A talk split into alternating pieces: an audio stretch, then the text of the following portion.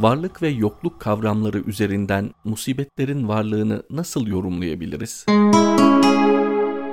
Hafıza türleri arasında en kuvvetlisi duygusal hafızadır. Bir şeyi severek veya ondan korkarak veya ona öfkelenerek onu kalıcı hafızaya daha hızlı yönlendirmiş oluruz. Yaşam içerisindeki birçok hadiseyi güçlü duygular sayesinde daha güçlü kaydederiz. Çoğu zaman fark edemesek de davranışlarımızı yönlendiren daha çok duygusal hafızamızdır. Beynin çalışma sistemine bakıldığında öğrenmenin daha çok duygusal bağ kurmakla kalıcı hale geldiği görülür. Duygusal olarak bağlanamadığımız bir şeyi kolay kolay öğrenemeyiz ve kalıcı hafızamızda kolay kolay muhafaza edemeyiz. Duygular beynin çalışma sisteminin hareket ettiricilerinden biridir. Duygulara hitap etmeyen bir bilgi hafızada kısa bir süre kalır ve sonrasında uçup gider. Bir şeyin bizim için geçerli varlığı onun bizim tarafımızdan algılanmasına bağlıdır. İşte bu yüzden yaşantı ve bilgileri duygulara en iyi dönüştüren faktör olan acı ve kederler yaşadığımız hadiselerin yok olup gitmesini engellemektedir.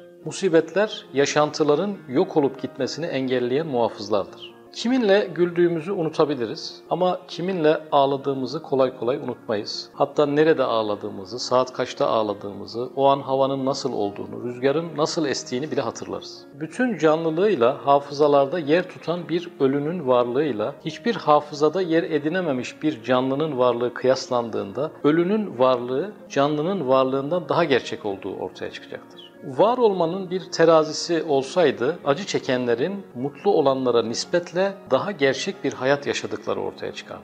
Ölüm de dahil olmak üzere musibetler hayatın bir parçasıdır ve kaçınılmazdır. İnsanın hiçbir musibetle karşılaşmaması için hiç var olmaması gerekir. Musibetler var olmanın bir ölçüsü olduğu için acılardaki artış kişinin varlığı hissedişindeki artış anlamına gelecektir. Var olmaya ait duyarlılık arttıkça acının yoğunluğu da haliyle artacaktır. Var olma potansiyeli güçlü olan insanların büyük acılara muhatap olmasının bir sebebi de budur. Milan Kundera'nın Var Olmanın Dayanılmaz Hafifliği isimli bir kitabı vardı hatırlarsanız. Ancak esasında hafif olan var olmak değil, yok olmaktır. Olsa olsa yok olmanın dayanılmaz hafifliğinden bahsedilebilir. İslam felsefesinin temel kavramlarından olan adem ve vücut yani varlık ve yokluk konusu da bize bu gerçeği hatırlatır.